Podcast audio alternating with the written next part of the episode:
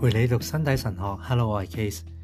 当耶稣基督回应法利赛人问：啊呢样可唔可以啊？嗰样可唔可以啊？问到休妻可唔可以嘅时候，讲到不可拆散嘅性质呢一个嘅诶回应嘅时候咧，佢就诉诸创世纪有关婚姻主题嘅经文啦。咁我哋之前咧就已经探到过，诶分析咗两个创世嘅文本啦，分别系《e d e m 典同埋。亚威典两个文本，今日咧我哋又会总结呢个分析。当基督受主起初嘅时候咧，可以话佢要求对谈者系跨越咗创世纪所提到嘅一条交界线。呢条交界线咧系处于原初嘅清白无罪啦，同埋随住起初之后堕落而嚟嘅罪性状况之间嘅一条交界线。咁条交界线同埋之前落树咧有象征性嘅联系嘅。喺亞威典嘅文本入边。之前落树划分咗两个完全对立嘅处境，即系原初嘅清白无罪啦，同埋诶原罪两个处境。呢两个处境存在喺人嘅身上嘅，存在喺人嘅内在生命啦、知识啦、意识啦、良心啦、选择同埋决定入边。而这一切都关乎人同埋上帝嘅关系。喺亚威典嘅文本入边，亦即系创世纪二章到三章啦。造物主亦即系盟约嘅主。佢同受造物，即系佢所做嘅人咧，订立咗一个最古老嘅盟约。支缠落树表达同埋象征咗人同埋上帝之间嘅盟约喺人心入边咧遭受到破坏，标志住两种完全对立嘅处境。个处境就系原初嘅清白无罪同埋原罪两个处境，连同人喺原罪入边继承嘅罪性。然而，基督喺受诸起初嘅时候。佢嘅说话令到我哋喺人身上揾到一个重要嘅延续性，并且揾到人类咧喺呢两个截然不同嘅状况底下咧，诶或者两个截然不同嘅向度底下咧系有联系嘅。有罪嘅状况系我哋呢啲历史中嘅人嘅一部分。历史中嘅人呢，就系马太福音十九章所讲紧嘅人啦，即系同基督倾偈嘅人啦。仲有歷史上面各時代每一個可能或者實在提出緊質詢嘅每一個人啦，當然都包括咗現代嘅人啦。然而喺每一個人身上呢，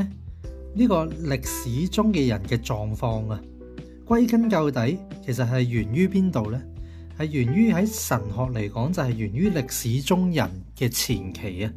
即係歷史中人呢個歷史中人嘅呢個。階段嘅一個之前嘅狀況，咁亦都可以話係神學上面歷史中人嘅前期啦，亦即係所謂原初清白無罪嘅嗰個狀況。呢個唔係純粹一個辩證嘅問題啊，認知嘅法則同埋存有嘅法則係一致嘅。如果唔參照或者訴諸人嘅起初或者原初啦，亦即係頭先講歷史中人嘅前期啦，同根本嘅清白無罪嘅狀況啦，如果唔去理解呢個狀況啦。啊！我哋要注意下基督系扫珠呢个状况嘅，咁就唔可能咧去了解我哋现今啊或者当其时啊历史中人嘅罪性嘅状况啦。因此，罪性作为一种状况，作为人存在嘅一个向度，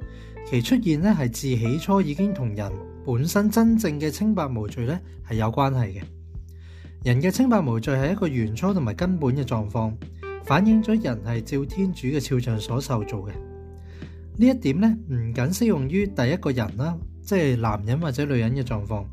即系創世纪二章三節阿威典入边所誒提到嗰啲嘅角色同埋主角嘅情況，亦都適用於咧人存在喺整個歷史過程嘅。因此，為歷史中嘅人嚟講，其根源可以追溯到追溯到所啟示嘅神學入边歷史中人嘅前期。即系唔系净系讲紧我哋依家有罪嘅嗰个状态，亦都去追溯到咧清白无罪嘅状态。为此，我哋必须要参照原初嘅清白无罪，仔细说明历史入边人嘅罪性，包括灵魂同埋肉身嘅罪性。我哋可以话呢个系解释紧共同继承嘅罪啦，更准确嚟讲就系共同继承嘅原罪啦。尽管喺每个历史中嘅人身上，呢个罪咧表示恩典失落嘅状况。但系其本身咧都描述紧一个恩典系点样嘅，具体而言就系原初清白无罪嗰种 innocent 嘅恩典系点样？根据马太福音第十九章，当基督受诸起初嘅时候，佢唔单止咧表明咗喺人类生活嘅历史，人已经失掉咗其原初清白无罪嘅状况啦。我哋有理由认为佢说话亦都有力咁样去道出救赎嘅奥秘。事实上，早喺创世纪第二章同第三章呢个亚威点文本嘅语境，我哋已经见证到人啦，即系男人同女人喺破坏佢哋同造物主订立嘅原初盟约之后，按住创世纪三章十五节呢段所谓嘅原始福音所去叙述啦，佢领受咗第一个救赎嘅应许啦，就系开始活于救赎嘅神学嘅展望入边，因此。历史中嘅人啊，即系马太福音十九章所提到基督倾同经基督倾偈嘅人啦，亦都或者系我哋今日讲紧嘅人类啦，就系活喺一个咁样嘅救赎嘅展望入边。因为代代相传，人参与咗人嘅罪性同埋历史，但系人呢又唔单参与喺呢个历史，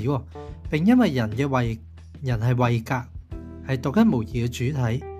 喺呢个历史嘅主体，亦都参与咗救恩嘅历史入边。同時都係救恩史入边嘅主體同埋共同創造者，因此佢唔單止咧，因為其罪性而被拒诸於原初清白無罪嘅門內，同時咧亦都開放迎向嗰個喺基督身上並且通過基督嘅行動可以實現嘅救赎奧秘入边。嗱，呢个要重複下，佢話因此。因为人参与咗喺人系为格，人系读紧梅义主体喺救恩死入边嘅主体，因为咁，佢唔单人唔单止系被罪性拒诸门外，拒诸于原初清白无罪嘅门外，同时咧亦都开放形向喺基督嘅救赎嘅行动啊，所实现嘅救赎嘅奥秘入边。罗马书嘅作者咧保罗就表达咗历史中嘅人所处于呢个救赎嘅展望啊。喺《罗马书》八章廿三节提到，我哋呢个以蒙受圣灵诶果子嘅，系诶亦都系己心中叹息等待住我哋肉身嘅救赎。喺我哋探讨基督嘅话嘅时候咧，我哋唔好忘记有呢个救赎嘅展望。喺论述婚姻嘅唔可以拆散嘅性质嘅对话入边，基督系诉诸咗起初。如果嗰个起初只系指向人受造为男人同女人，如果基督只系引导佢嘅对谈者。超越咗人嘅有罪狀況，而回顧以往好耐之前嘅嗰個原初清白無罪狀況，但系有冇同時展現肉身嘅救赎嘅展望呢？咁我哋就唔能夠充分明白佢嘅回應有咩意思。儘管人喺已經喺歷史入边失去咗清白無罪嘅狀況，冇辦法挽回啦。但係正係呢個肉身嘅救赎呢嘅展望，確保咗人所繼承。有罪嘅狀況同埋原初清白無罪嘅狀況之間呢，係有辦法去連貫埋一齊嘅，係有一個整體性嘅。盟約本身係以救贖為基礎嘅，因此對於法律同埋盟約嘅教師，誒向基督提出嘅問題，基督係絕對有理由從救贖嘅展望咧作出回應嘅，就唔係單單講緊嗰個以前嘅清白無罪係點，亦都有救贖嘅出路。呢個神學係論述緊有血有肉嘅人嘅。对于主要系以呢个方式去解释神学嘅而言呢又要进一步去分析起初嘅启示所采用嘅方法，着重诉诸創创世纪首幾章。当我哋思考应该采用嘅分析方法嘅时候，应该立刻注意到一个对于神学嘅诠释尤为重要嘅因素。呢个因素系重要嘅，因为佢系主要关于启示同埋经验之间嘅关系。喺诠释有关人嘅启示，尤其系关于身体嘅启示嘅时候，基于可以理解嘅理由，我哋一定要诉诸经验。呢个系因为我哋主要系从经验嚟理解有血有肉嘅人嘅。鉴于头先作出嘅基本论述，我哋绝对有理由相信，我哋凭借呢种历史中嘅人嘅经验，即系嗰个诶，我哋依家嘅人啦，或者诶，当其时同基督对谈嘅人嘅经验啦，喺某程度上呢。要却步于人原初嘅清白无罪嘅门槛之前，就停喺嗰度啦。原初清白无罪嘅人嘅经验咧就应该唔同嘅，